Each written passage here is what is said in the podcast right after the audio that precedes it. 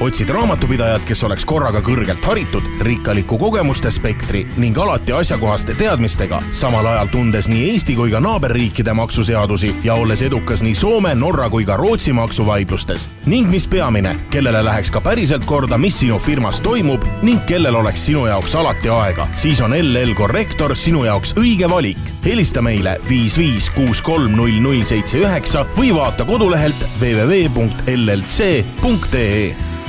tere, täna on meil saates teemaks raamatupidamine ja kuidas seda kõige targem oleks ettevõtetel korraldada. ja ma pean ütlema, et võib-olla eksivad need, kes on siiamaani lahendanud selle küsimuse enda jaoks nii, et tal on tööl üks kindel inimene võib-olla tasuks kaaluda hoopis endal muuta seda, seda lahendust. täna on meil igal juhul saates LL Korrektor juhataja ja ühtlasi ka pearaamatupidaja Laura Niit. tere, Laura! tere! ja mina olen saatejuht Juuli Nemvalts. millist lisandväärtust saab pakkuda üldse raamatupidamisfirma ettevõtetele? eks raamatupidamisfirma pakett-teenusena on kindlasti äh, palju rohkemat kui lihtsalt raamatupidamine. et meie valdkonnas on kindlasti hästi palju ka ärialast äh, nõustamist ja tihtipeale meie kliendid leiavad tee meie juurde üldsegi mitte raamatupidamise pärast, vaid pigem sellepärast, et soovitakse lihtsalt Eesti turule siseneda.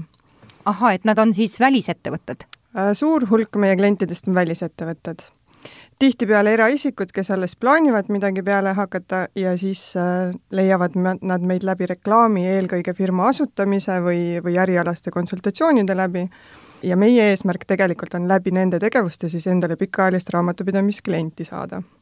aga see ei ole üldse oluline, et te asute Pärnus, eks? ei, sellepärast et kliente on meil äh, mitte ainult Eestist, vaid ka Norrast, Soomest, Rootsist, Lätist, Eestist nagunii üle terve Eesti, et äh, et ise liigume päris palju ringi ja eks tänapäeval saab kõik asjad läbi interneti ja telefoni ka tehtud.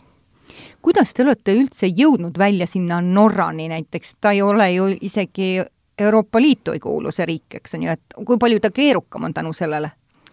Äh, kindlasti on ta keerukam, üldiselt on ta küll Euroopa majanduspiirkonna riik, ehk siis selles suhtes päris palju Schengenisse ta kuulub, eks? jaa mm, -hmm. et päris palju Euroopa Liidu ühisakte ikkagi temale ka laieneb aga, aga jõudsime me välisriikide poole üldse läbi oma Eesti klientide uute soovide, ehk siis laienesid? just.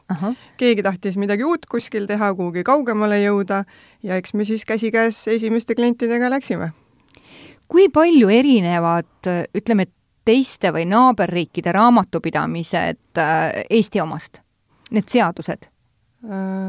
Äh, ikkagi erinevad, sest Eestis on meil ikkagi mitte kasumi maksustamine või siis ainult väljavõetava kasumi maksustamine, aga kõikides teistes riikides valdavalt on siiski kogu kasum maksustatav.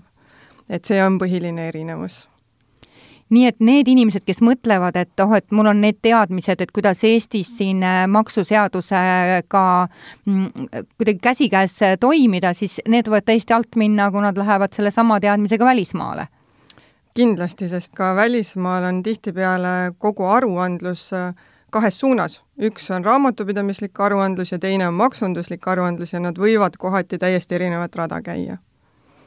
see tähendab ka, et LR korrektoril on piisavat pädevust äh, üldse sellest kohalikust keelest aru saada, kas on nii? Äh, üldiselt küll, et me võime küll mõnes kohas ka hätta jääda, aga siis on meil kas mingisugused koostööpartnerid, kes on meil välja kujunenud, või kasutame tõlkebüroode abi, et et hätta pole siiamaani jäänud selles suhtes. millised on enam levinud murekohad Eesti ettevõtetel, kui nad teie poole pöörduvad? ma saan aru, et osad on ikkagi, ootavad ära selle hetke, kui läheb juba väga halvaks, kui on juba väga palju muresid jah, suurem osa kliente jõuab meieni ikkagi siis, kui on juba probleem ja seda probleemi siis hakatakse interneti vahendusel otsima, et kuhu pöörduda, mida teha ja siis leitakse tihti tee meie juurde. Äh, no millised probleemid on? eks kõige rohkem probleeme on välisriikide maksuametitega ja millest need probleemid on tihtipeale tekkinud, on sellest, et ei osata reageerida ja jäetakse reageerimata. ja selle venitamisega põhjustatakse siis natukene mittevajalike probleemide suurenemist endale veelgi. mis ikkagi päädivad vist rahaga või? raha maksmisega või kuidas? jaa, mida rohkem äh, venitada igasuguste asjadega, mida rohkem kuskilt kõrvale puigelda, seda kallimaks see asi lõpuks ikkagi maksma läheb kliendi jaoks. mitte siis nagu meie teenuse näol kallimaks, vaid pigem siis erinevate maksude näol. või, või trahvide või, või just, sunnirahaga mm. -hmm. just mm. -hmm mis on see probleem tavaliselt või, või küsimus, mis siis äh, on tõstatunud äh, välismaal ülesse ja mille otsa siis kõige rohkem komistatakse, kui me lähme juba nagu natukene sinna teemasse sügavamini sisse? eks äh, selliseid põhiprobleeme on kahte tüüpi.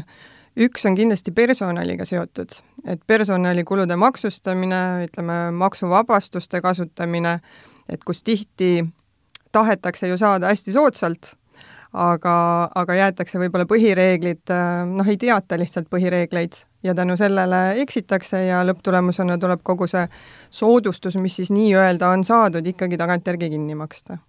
Laura, aga kui ma kuulen praegult äh, seda äh, esile kerkinud probleeme, siis kas ei oleks targem ettevõttel nii, et kui ta üldse plaanib minna välisriiki oma ettevõttega, et siis ta juba ennem tuleb teie juurde, saab teada, mis on need tegelikult päris kulud sest äh, ma saan aru, et võib-olla ettevõte on teinud endal ka valede arvustustega, arvutustega äriplaani, milles ei ole üldse kogukulu sisse võetud. võib-olla see ei oleks üldse nii kasumlik, see projekt? Kindlasti on väga õige suhtumine selline ja kindlasti on neid äriprojekte ka nii tehtud, kus saadakse varem tulles kohe aru, et, et midagi on mäda. Ja mõndadel juhtudel on inimesed jätnud ka oma firma asutamata peale meie juurde konsultatsioonile tulekut et eks meie asi ongi võimalikult ausalt ja detailselt siis inimestele selgeks teha, et millega nad riskivad, millest nad peavad lähtuma, millega arvestama ja kui inimene tuleb siis ennem firma asutamist juba, see on alati kõige parem variant. ma tean, et ettevõtetel on ähm, küllalt palju peamurdmist selle piiriülese maksustamisega, et räägime natukene ka selle valdkonnaga lahti.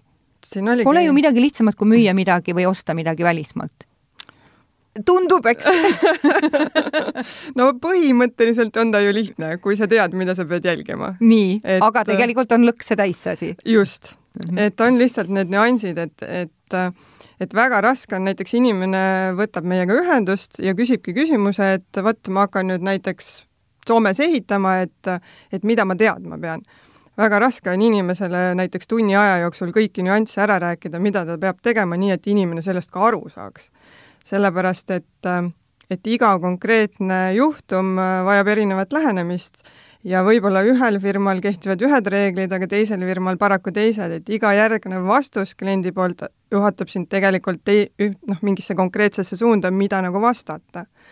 et selles mõttes on väga, väga keeruline nagu öelda, et mis selle piiriülese äri puhul nagu kõige tähtsam on, vaid pigem ongi see, et, et samm-sammult firma asutamisega ikkagi koos hakata raamatupidajaga minema ja siis selgune, selginevad välja, et kas tekib meil välisriigis püsiv tegevuskoht, millal ta võiks tekkida, mis põhjusel ta võiks tekkida, kui ta tekib, siis millised maksukohustused tekivad, kas nad tekivad kohe või tekivad hiljem, et, ähm, et see on niisugune, alati kui uus klient tuleb, siis on see selline vähemalt tunniajaline jutuajamine kõigepealt sellest, et aru saada, kuhu me selle kliendiga edasi läheme üldse.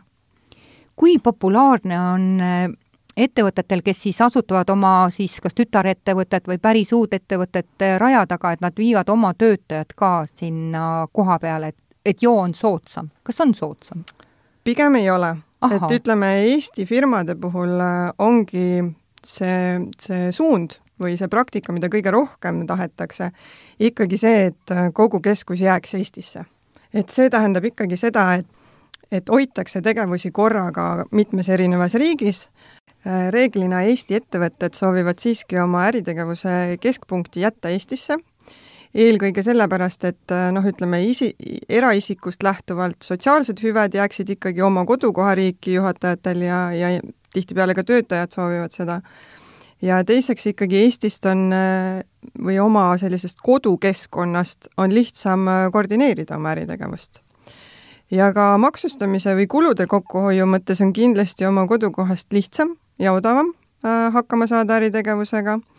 Äh, siia juurde tulevad igasugused lähetuskulud, igasugused maksusoodustused, mida sa saad rakendada juhul, kui sa tegeled läbi oma Eesti Keskuse, et kui sa juba oma tegevuses sead oma kontori või laoruumid või, või mis iganes äh, pide, pidekoha äh, välismaale, noh siis ühel hetkel võib juhtuda täiesti selline olukord, et sa muutudki nagu välisettevõtteks ja tegelikult kaob ära mõte pidada Eesti ettevõtet, et siis sellises hetkes me oleme tihtipeale juba ka äh, firmad äh, ümber tõstnud ja hakanud sellest Eesti firmast looma juba näiteks Soome ettevõtet või Rootsi või Norra ettevõtet. Kui palju on niisuguseid juhtumeid Eestis äh, ette tulnud? meie enda praktikas on sellist ümbertõstmist no alla kümne juhtumi, aga umbes sinnakanti. ja need on algselt olnud Eesti ettevõtted? jaa. et mõned neist on sellised, et kelle me olemegi Eesti ettevõtte konkreetselt äh, ümber teinud Soome ettevõtteks, äh, mõned on ka lihtsalt Eesti ettevõtte siis kinni pannud ja alustanud uue ettevõtte loomist Soomes. väga julge samm tundub, see tähendab ju kogu oma elu ümber kolimist Äh, eks see, need äh, sellised käigud on tihtipeale kujunenud välja juba selle Eesti äritegevuse käigus. ehk siis, kui sa juba oma Eesti ettevõttega näed, et tegelikult see asi liigub täielikult nagu võõr, võõrriigi sellise ärimudeli poole, no siis tegelikult ühel hetkel tuleb see samm teha, sest sest tegelikult sisu on ju sama sisu poolest midagi ei muutu, et isegi kui sa seda sammu ei tee, siis ühel hetkel võib ka see Eesti firma hakata käituma nagu välisriigi firma ja, ja väga suurt erinevust ei ole, et muidugi mõned nüansid jäävad, mis erinevad, aga, aga see on selline väike roll juba. juhataja jaoks kindlasti väheoluline. millega peavad ettevõtted arvestama, kui nad siis tahavad äh, tulla teile kliendiks? mille, mida nad peaksid, mi-, millistele tingimustele nad peavad vastama või kas nende käive peab olema piisavalt suur või, või, või mille järgi te valite endale kliente? Te ju valite ka? valime ikka, aga, aga klient ei pea väga millegagi arvestama. et selles suhtes varematel aastatel oli meil praktika see, et me võtame ainult Eesti ettevõtteid, kes siis äh, on aruande- või maksukohustuslased välisriigis või hakkavad sinna minema või noh, on ikkagi nagu kuhugi välisriiki suunatud kõrvalt muidugi tegime ka ainult Eesti firmasid, meie jaoks oli see selline lihtne töö, hea teha vahelduseks. aga kuna hästi paljud meie enda kliendid on ikkagi välja kasvanud välisriikide, välisriikide firmadeks täna, et siis me oleme ka võõraid kliente hakanud juba, juba Rootsi, Norra, Soome firmasid ka võtma, et me ei keskendu enam ainult Eesti firmadele. et selles mõttes on see ampluaa suur, et et kui ikkagi mingi mõte või plaan on, et siis tasub kõigil pöörduda, et, et tagasi me tegelikult ei ole kedagi saatnud. kui suur ettevõte on LL Corrector, kui palju teil inimesi on? Äh, personal on meil kokku neliteist inimest. Äh, alustasin üksipäini. see oli siis kaksteist aastat tagasi? see oli kaksteist aastat tagasi. ja laias laastus juhtus nii, et iga aasta tuli siis üks inimene juurde kui alustasime ühetoalisest kontorist, siis täna on meil peaaegu terve korrus oma rendipinnal, et, ähm, et Pärnu mastaabis ma arvan, et, et täitsa rahuldav suurus. kas teil on ka raamatupidajad, kes teil tööl on, jagatud kuidagi teemade või valdkondade järgi ka? Sellist konkreetset suunitlust selleks meil tegelikult ei ole. aga paraku on nii, et inimesed on erinevad ja mõni inimene on ühes valdkonnas tugev, teine teises, ehk siis need tööd lihtsalt kujunevad siis sellest lähtuvalt, et kes mida kõige paremini oskab, et, et see sellele inim-, inimesele siis ka jõuab, see töö.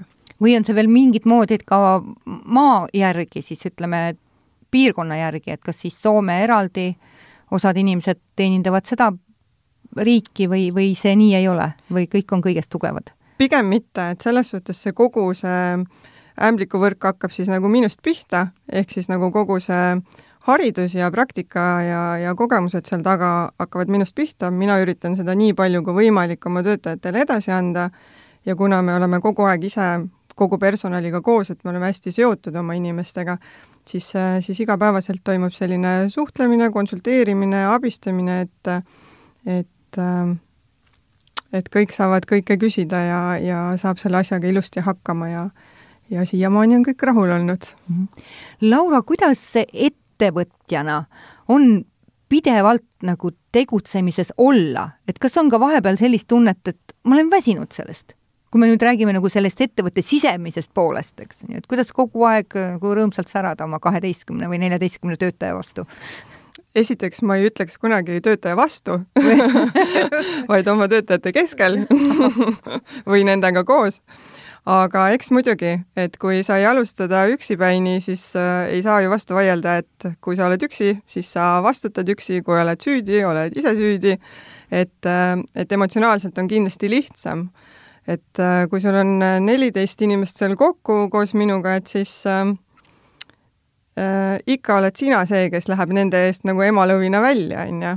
et kui keegi mingisuguse jama keerabki kokku, ma küll julgen öelda äh, käsi südamel, et seda on ainult üks või kaks korda kogu selle aja jooksul juhtunud, et siis ikka oled sina see, kes võtab selle tule enda peale ja, ja pärast üritad kuidagi klaarida. et eks see kasvamine inimesena ja juhatajana on toimunud nii, nagu see ettevõte on kasvanud, et õnneks on seda kõike saanud järk-järgult teha ja eks ikka vahel tekib väsimushetki ka, aga aga siis tuleb teha piisavalt tarkasid otsuseid, et, et nendest üle olla ja, ja et neid võimalikult vähe tekiks Laura, kui sa vaatad nüüd seda ettevõtte arengut, seda kogu seda tosinat aastat, et mis on olnud nagu keerukamad kas perioodid, tõenäoliselt on see siis tingitud kas Eesti majanduse mingisugusest käekäigust. et mis on ettevõtte jaoks olnud keerukas? No kindlasti nüüd see, see selle aasta kevad oli keerukas, et, et päris paljusid ettevõtteid see ikkagi mõjutas, sest päris paljude töö on ju üle piiri seotud ja kui piirid ikkagi kinni pandi, siis, siis paraku ei olnud tööd ka.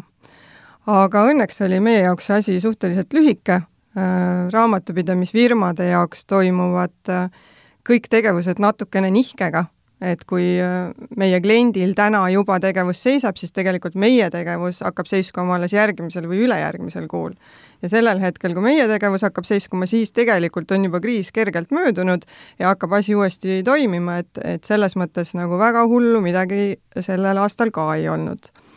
aga kõigi eelnevate aastatega jah, eks siin majanduses on erinevaid hetki olnud, aga, aga kuna kliente on palju, valdkondi on palju, siis, siis pigem sellised kriisihetked on on sellised huvitavad tööperioodid, kus inimestel on uusi muresid, uusi probleeme, mida lahendada, et, ähm, et toobki natukene sellist äh, vaheldust sellesse, sellesse igapäevatöösse, et mulle tegelikult meeldib, kui kui sulle tuuakse uusi probleeme lauale ja sa suudad neid lahendada ja inimesed lähevad äh, võib-olla aasta või kahe pärast äh, räägivad oma sõpradele, et vot, et kui nüüd sel hetkel ei oleks mul kõrval raamatupidajat olnud, siis mind täna siin ei oleks, et, et eks need on niisugused kohad, mis just annavad nagu hoogu juurde pigem. kas raamatupidamine on läinud lihtsamaks Eesti Vabariigis ettevõtetele või on läinud keerukamaks? Äh, ma saan aru, miks sa seda küsid selles suhtes, et eks riik on mõelnud igasuguseid asju välja, et inimesed saaksid ise raamatupidamisega hakkama minule kui raamatupidamisfirma esindajale tähendab see seda, et raamatupidamine on läinud keerukamaks. kuis nii? sest jälle, inimene jõuab minu juurde, kui on juba mingi probleem tekkinud. ehk siis talle on antud võimalused ise teha, ta on üritanud seda ise teha, paraku puudub nii haridus kui kogemused selles valdkonnas ja varem või hiljem tekib ikkagi mingi probleem. mul on tunne, et ka järjepidevus puudub ja tihtipeale ka seda, et isegi kui sa alguses nagu lähed suure hurraaga peale, siis ühel hetkel sa nagu väsid ja mõtled, et ah, ma ikka kõike ei tahaks oma firmas ise teha, on ju. ja noh, väga õige, kõike ei peagi ise tegema, et, et ongi hea, kui keegi teine vastutab millegi muu eest ja sina saad keskenduda sellele, mis, mille jaoks sa selle firma tegelikult ju lõid. kuidas on tehnilised, ütleme, tarkvarasüsteemid, kui palju nad aitavad äh, raamatupidamisettevõtet? kui palju on see lihtsamaks läinud? Või on hoopis keerukamaks? selles mõttes on kindlasti töö läinud ju automaatsemaks, kiiremaks äh,, ikkagi nagu mingis mõttes lihtsamaks.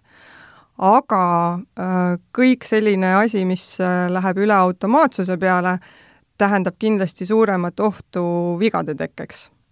ehk siis arvuti ei tea, mis on selle mingi konkreetse probleemi nüansid või, või plussid või miinused ja tihtipeale ei ole ju raamatupidamises äh, ühest sajaprotsendilist lahendust. et sa pead ikkagi arvestama konkreetse kliendiga, tema erialaga, võib-olla tema senise praktikaga, kus riikides ta tegutseb, palju töötajaid on, kas ta tegutseb näiteks seal tööjõurendi valdkonnas või alltöövõtuna kõik justkui pealtnäha tundub üks ja sama, arvuti saabki aru, et see on üks ja sama, aga tegelikult tuleb neid asju ikkagi nagu äh, inimlikul tasandil hinnata ja selle järgi need otsused teha, et et ehk see tehnoloogia on, on toonud oma plussid ja omad miinused.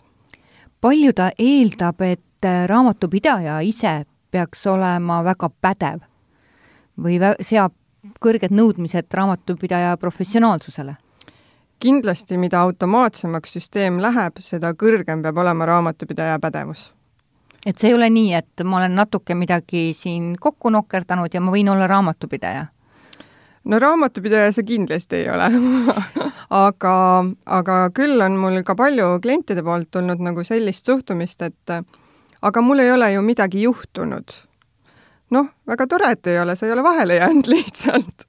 et aga kui ühel päeval midagi juhtub, siis on paraku hilja lihtsalt. ja, ja, sest see ikkagi päädib jälle mingisuguse ma ei tea, trahvisummaga või mingi viivise, mis võib olla väga suureks juba kasvanud, eks. et, et eks siin ajaloos neid kliente, kes on oma hädas meie poole pöördunud, eks neil on olnud, kas on seal suur rahasumma juba ette tekkinud mõn-, mõnda on isegi vanglaga ähvardatud, et äh, mida peab siis klient tegema niimoodi valesti, et teda lõpuks juba vanglaga ähvardatakse, Laura? Äh, no ütleme, üks konkreetne näide, mis mul siin, äh, siin on alles tulnud mõni aeg tagasi, oli tegelikult seotud sellega, et inimene lihtsalt ignoreeris välisriikide ametkondade suhtlemist. ja kuna ta hoidis siis nii-öelda kõrvale ja, ja temaga sidet ei saanud ja ja asjad lihtsalt kumuleerusid, siis nii see lõpuks läkski. nii et veel üks kord, et suhelda, suhelda, suhelda, jah? just, kõige tähtsam, et et mis iganes äh, kiri kuskilt tuleb, et ärge visake prügikasti, vaid, äh, vaid võtke ta ette, kui ise ja laske ära tõlkida, kui ära ei saa. just, et kui endal jõud peale ei hakka, siis, siis pöörduge kuhugi, et ärge, ärge jätke tähelepanuta selliseid asju mis haridustasemega on tänapäeval näiteks korrektoris inimesed, kes teil raamatupidamist teevad? Äh, tasemed on erinevad, et äh, mingi hetk oli meil praktika selline, et me üldse ei nõudnud erialast haridust ega praktikat ega midagi, vaid me tahtsimegi inimesed iseenda järgi välja koolitada, et, äh, et kogu süsteem kogu ettevõttes oleks siis identne. et näiteks kui mina kliendiga midagi suhtlen, on mingi dokument, mis pole minu sisestatud, et ma teaksin, kus ta on, kuidas teda on tehtud, mis loogika järgi ta on tehtud, et kõik nagu oleks, oleks ühtse süsteemiga täna on meil tegelikult ikkagi suunitlus juba sinna peale, et, äh, et on äh, vastava eriharidusega inimesed, osadel on kõrgharidus, osadel on kutseharidus, paljudel on eraldi tehtud siis kutsestandarditele vastavad eksamid, et, et põhimõtteliselt kõigil on ikkagi erialane suunitlus käes mm. -hmm. kui me nüüd räägime natukene maksupoliitikast, siis millised iseärasused, kui me nüüd võrdleme näiteks kolme riiki, Soome, Norra ja Rootsi, et millised on nagu seal sellised suuremad erisused, noh et meie kuulajad aduksid üldse teema tõsidust mm? -hmm. noh, Eestiga võrreldes on, on nagu juba räägitud, kogu maksusüsteem erinev. aga neil kolmel riigil omavahel tegelikult väga suuri erisusi ei ole. et äh, üldsüsteem on ikkagi sama ja on lihtsalt nüansid, et, et mis ametkonnad võib-olla seal erinevate sektoritega tegelevad, et et Soomes on väga palju seda, et et äriregister tegeleb ühe valdkonnaga, Maksuameti üks osakond tekib te,, tegeleb seal näiteks võlgade tekkimise faasis asjadega, samas kui võlad on juba tekkinud, siis antakse üle teisele osakonnale ja esimene osakond ei tea üldse enam mitte midagi, ehk siis seal on hästi palju neid sektoreid. Norra puhul ütleme, on ainult äh, kolm erinevat sektorit, ütleme sotsiaalmaks, maksuvaldkond ja töötajate valdkond, et äh, ja noh, maksuvaldkond siis jaguneb eraldi veel personali ja käibemaksu osas ja, ja kasumi maksustamise osas.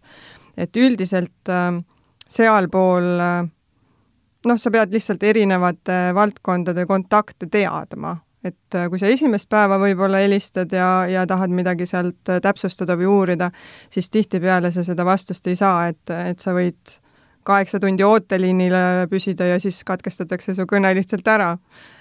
et ja Rootsi on selles mõttes nendest kõikidest riikidest äh, rahvusvahelise äri mõttes kõige vähem kogenum, mulle tundub ah soo? just, et, et Maksuameti seisukohast just, et, et Maksuamet seal kohapeal rahvusvahelisest tasandist väga palju ei tea.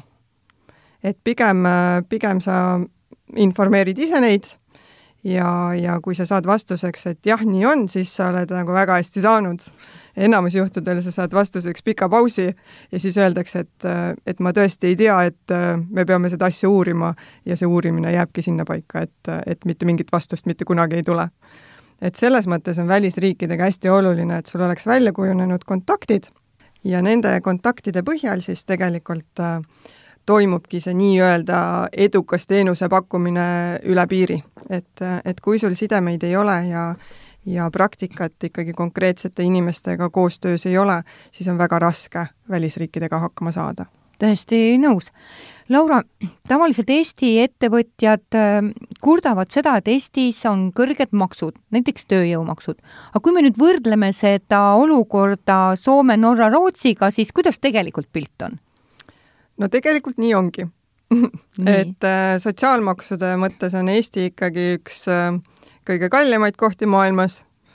Ja, ja teiste maksude mõttes ka, et kui ma võrdlen nüüd erinevate riikide maksusüsteemi sellel tasandil, et kas näiteks tööjõumaksud võtta ainult äh, sada protsenti Eestis makstuna või sada protsenti siis teistes riikides makstuna, siis äh, siis kindlasti on Eestis kõige kallim. kus nüüd kõige odavam on, on selles mõttes natukene raske öelda, et näiteks äh, mõnes riigis sõltub äh, ka koha, on ka see kohalik maksukoormus piirkonniti erinev.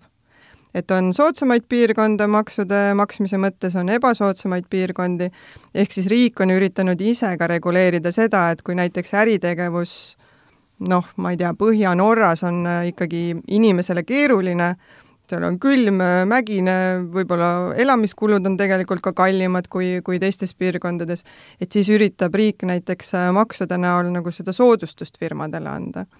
et, ähm, et selles mõttes võib ta ka riigiti väga palju erineda või noh, riigisiseselt palju erineda.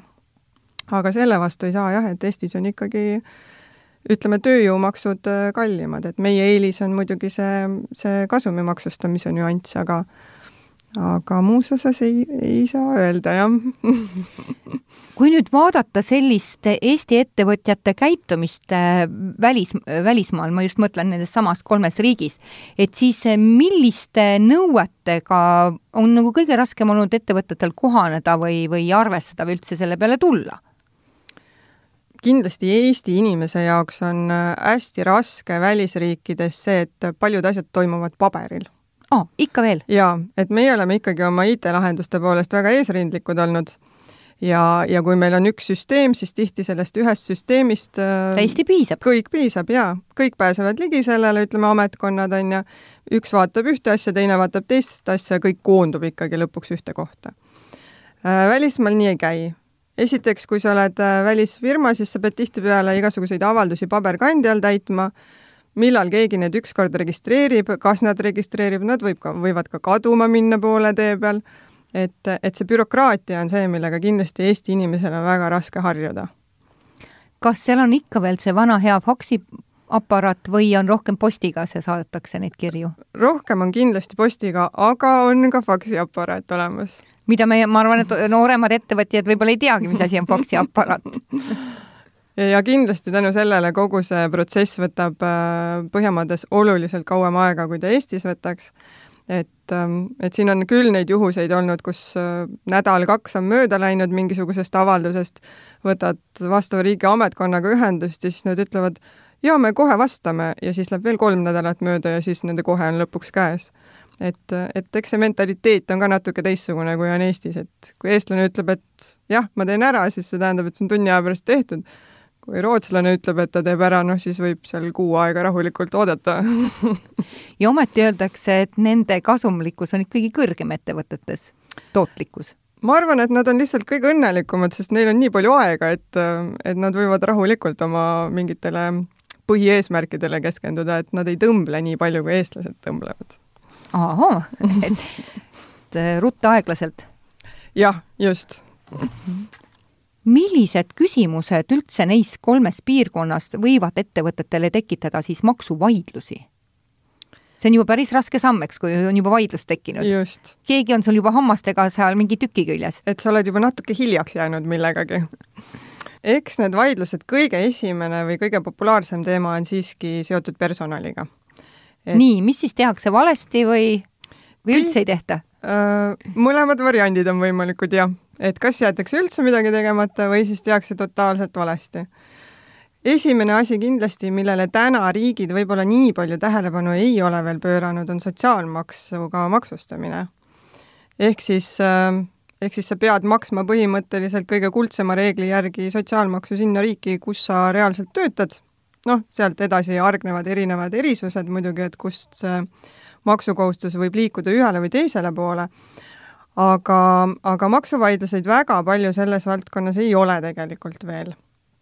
et eks see on niisugune tõusev trend, mida ilmselt hakatakse ühel päeval jälgima täna on maksuvaidlustes personali osas kõige suurem ja populaarsem teema ikkagi tulumaks et kuhu riiki teda maksta, kui juba tulumaks kuhugi riiki liigub, kuidas päevarahasid sinna kõrvale maksustada või mitte maksustada, et eks kõige tulisem teema on siit kindlasti lähtuvalt see päevarahade teema. Ja, ja päris palju on ta ka selles suhtes ka minul endal vaidluses klientidega, sest kliendid tulevad tihtipeale ja ütlevad, et aga mul sõber on kümme aastat nii teinud. noh, ma saan aru, teine sõber on sul kakskümmend aastat nii teinud ja paljud teevad, aga minu asi on ikkagi selgeks teha, et kuidas peab olema ja millised riskid on, kui sa teed nii, nagu su sõber teeb, eks ole. et, et eks muidugi selliste konsultatsioonide ja sellise õige asja tagaajamisega ma võin riskida sellega, et ma kaotan oma kliendi, aga minu jaoks on oluline, et see klient vähemalt teaks, millega ta riskib, et, et eks ta siis ise otsustab lõpuks, millist teed ta läheb, eks ole just, ja mis selle riski hind on lõpuks. just. et enam-vähem annab ju selle riski hinna välja arvutada, et, et ega seal mingit äh, jalgratta leiutamist ei ole. see tõuseb veel nagu ajas, see riski hind? jaa, kindlasti. Et, et mida hiljemaks sa oma avastuste või muudatuste või, või asjadega jääd, seda kallimaks kindlasti see asi läheb. Laura, kas ma saan õieti aru, et kui juba see tulumaks makstakse välismaal, eks sinna riiki, siis tegelikult et, ettevõttes töötavale inimesele tähendaks see nagu see, et mingi osa pensionist peaks nagu tulema siis sealt või? pension üldiselt on ikkagi sotsiaalmaksusüsteemiga seotud. Ehk siis tulu maksustamine ise pensioni maksustamist või noh, pensioni arvestust ei mõjuta. et kui sotsiaalmaks on ikkagi Eesti süsteemi järgi, tulumaksu maksame kus iganes Põhjamaades näiteks, siis kogu see, see pensionistaaži asi ikkagi tiksub meil läbi Eesti süsteemi et kui juba ühel päeval on kohustus see sotsiaalmaks ka üle viia, vahet pole, oled sa siis oma Eesti firmaga välisriigis või, või oled juba välisfirmaga, siis hakkab alles see pension äh, välisriigis arvestatama. ja tegelikult on see inimese jaoks lõpuks ikkagi väga mikroskoopiline summa, mis seal võiks, ma ei tea, rohkem olla võrreldes Eestiga või tegelikult kas ta on ikka üldse rohkem?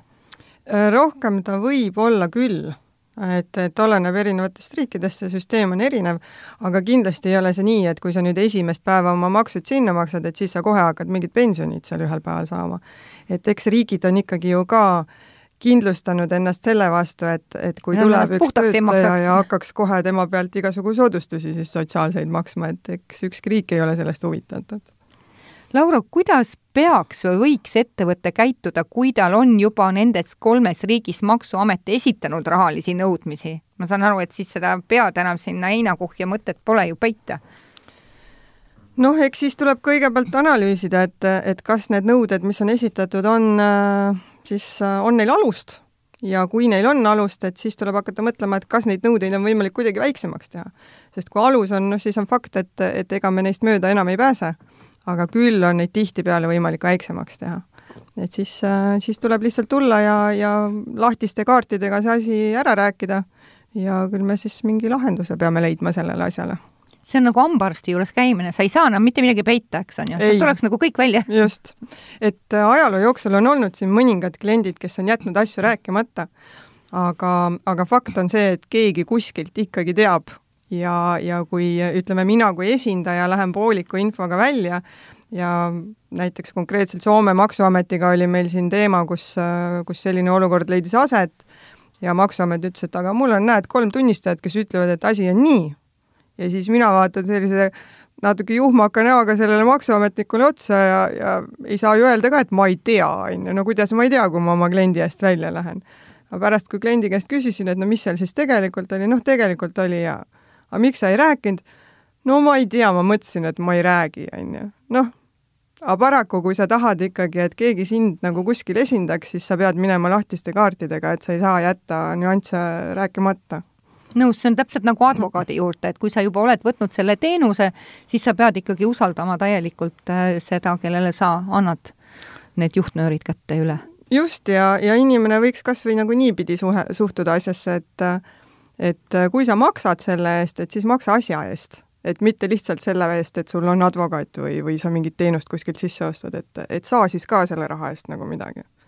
Laura, räägime natuke lahti ka, mis summad üldse on, mida tavaliselt äh, võidakse esitada, kui suured need summad on, mida Maksuamet siis äh, nõuab mõnikord või et noh, et kuulaja üldse aru saaks, millest me räägime, mis suurustest räägitakse?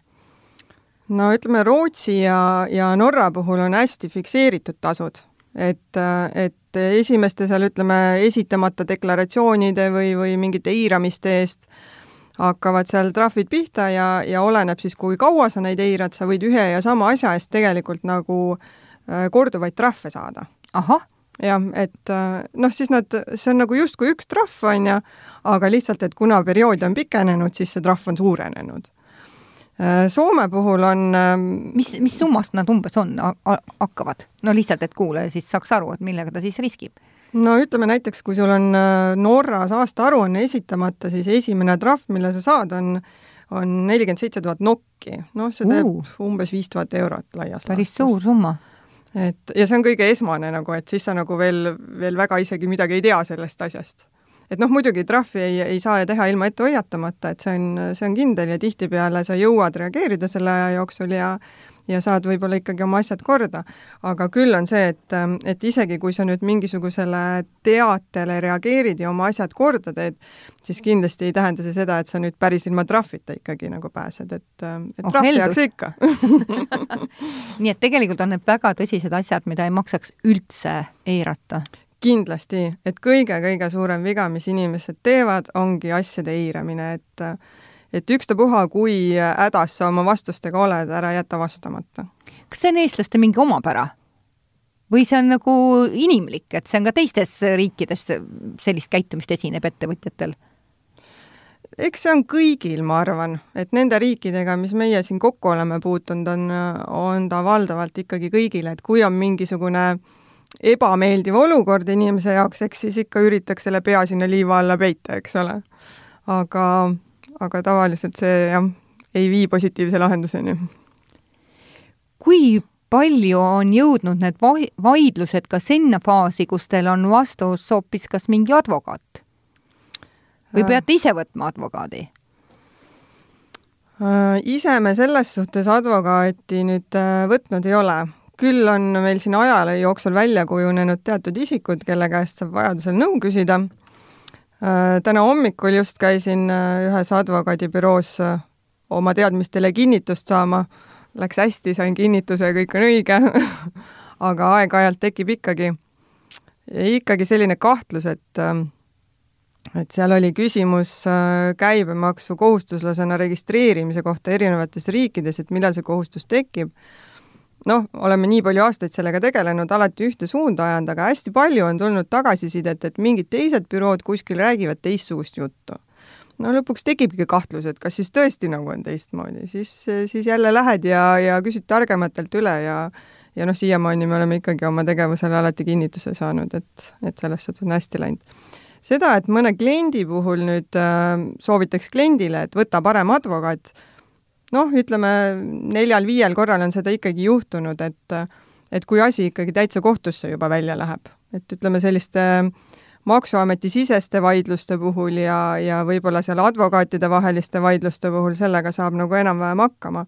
aga, aga päris kohtusse on kindlasti vaja advokaat võtta ja, ja tihtipeale ka näiteks kui mingi Eesti-sisenegi majanduspolitsei uurimine on, et ega tihtipeale ka see politseiametnik ei taha seda raamatupidajat näha, et tegelikult ei ole raamatupidajal õiguslikku alust esindada sellises situatsioonis ja, ja siis tuleb ikkagi advokaat võtta, sest sest tihtipeale mina ikkagi soovitan võtta esindaja, ükstapuha, olen see siis mina või, või on see siis advokaat, sest sest kui sa oled üksipäini situatsioonis, siis äh, sa langed emotsioonidesse absoluutselt, või Aga... lihtsalt tuleb kas või mingisugune ärevus. Just. ja sa ei ole üldse niivõrd noh, tulemuslik, sul ei tule isegi võib-olla kõik asjad meelde, eks on ju.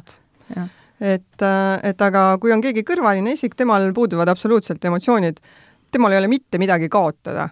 tema läheb kindla võidu peale välja, tihtipeale näiteks, kui meil on olnud siin töövaidluskomisjonides erinevad äh, Äh, vaidlused meie klientidel, siis meie oleme käinud esindamas neid, siis äh, ma isegi ei mäleta praegu ühtegi korda, kui me oleks kaotanud. aga mis see põhjus on, põhjus ongi see, et, et meil ei ole emotsioone, me ei ole isiklikult selles asjas mm. sees. ja sa suudad olla lihtsalt täiesti professionaalne, et sa suudad ainult keskenduda sellele probleemile, eks on ju. faktidele. jah, ja, ja, ja see emotsioonid, neid lihtsalt ei ole, eks on ju, sinna kõrvale mm. -hmm, täiesti nõus Laura, meil hakkab äh, saateaeg siin läbi saama, et mis on nagu see sõnum või, või on võib-olla ka mõni teema, mis on jäänud veel kas käsitlemata, mida öelda kuulajatele? see peamine sõnum ongi see, et, et esiteks ärge venitage oma plaanidega, et, et ka raamatupidamisteenuse lepingut sõlmides erinevate klientidega, uute klientidega, äh, on meil sees seal selline punkt, et, et mis iganes mõte teil pähe tuleb, siis, äh, siis tulge ja rääkige see mõte kõigepealt ära ja kui see mõte on väärt mõte, siis, äh, siis hakkame seda koos ajama. kui ei ole, siis arutame plussid-miinused, äh, riskid, asjad läbi ja, ja siis otsustame, et kas läheb asjaks või mitte. et esimene asi kindlasti ette asjad läbi mõelda, mitte tagantjärgi oma vigu parandada teine asi, konsulteerida nendega, kes on, äh, omavad kogemust ja praktikat selles vallas, et, äh, et raamatupidamisfirma eelis on kindlasti see, et kliente on palju, muresid on palju, seda, seda erinevat pagasit, mis on selja taga, on tegelikult nii palju erinevates valdkondades, et kui inimene üksipäini oma firmat ajab, siis, siis tegelikult ei olegi võimalik neid nüansse kõiki läbi, läbi proovida või seda kooli äh, ära teha, eks ole. et, äh, et äh, ette mõelda, konsulteerida asjatundjatega ja kui tõesti on juba olukord käes, siis, siis kohe tegutseda, et, et ei tasu ootama jääda, et äkki asjad lahenevad ise või äkki homme on parem päev, et, et ega see iseenesest paremaks ei lähe Nende heade mõtetega me täna lõpetame ja saates Luup käis rääkimas Laura Niit ettevõttest LL korrektor ja Laura on siis ettevõtte juhataja ja pearaamatupidaja. mina olen saatejuht Juuli Nemvalts. otsid raamatupidajat, kes oleks korraga kõrgelt haritud, rikkaliku kogemuste spektri ning alati asjakohaste teadmistega, samal ajal tundes nii Eesti kui ka naaberriikide maksuseadusi ja olles edukas nii Soome, Norra kui ka Rootsi maksuvaidlustes. ning mis peamine, kellele läheks ka päriselt korda, mis sinu firmas toimub ning kellel oleks sinu jaoks alati aega, siis on LL Korrektor sinu jaoks õige valik. helista meile meile viis, viis, kuus, kolm, null, null, seitse, üheksa või vaata kodulehelt www.llc.ee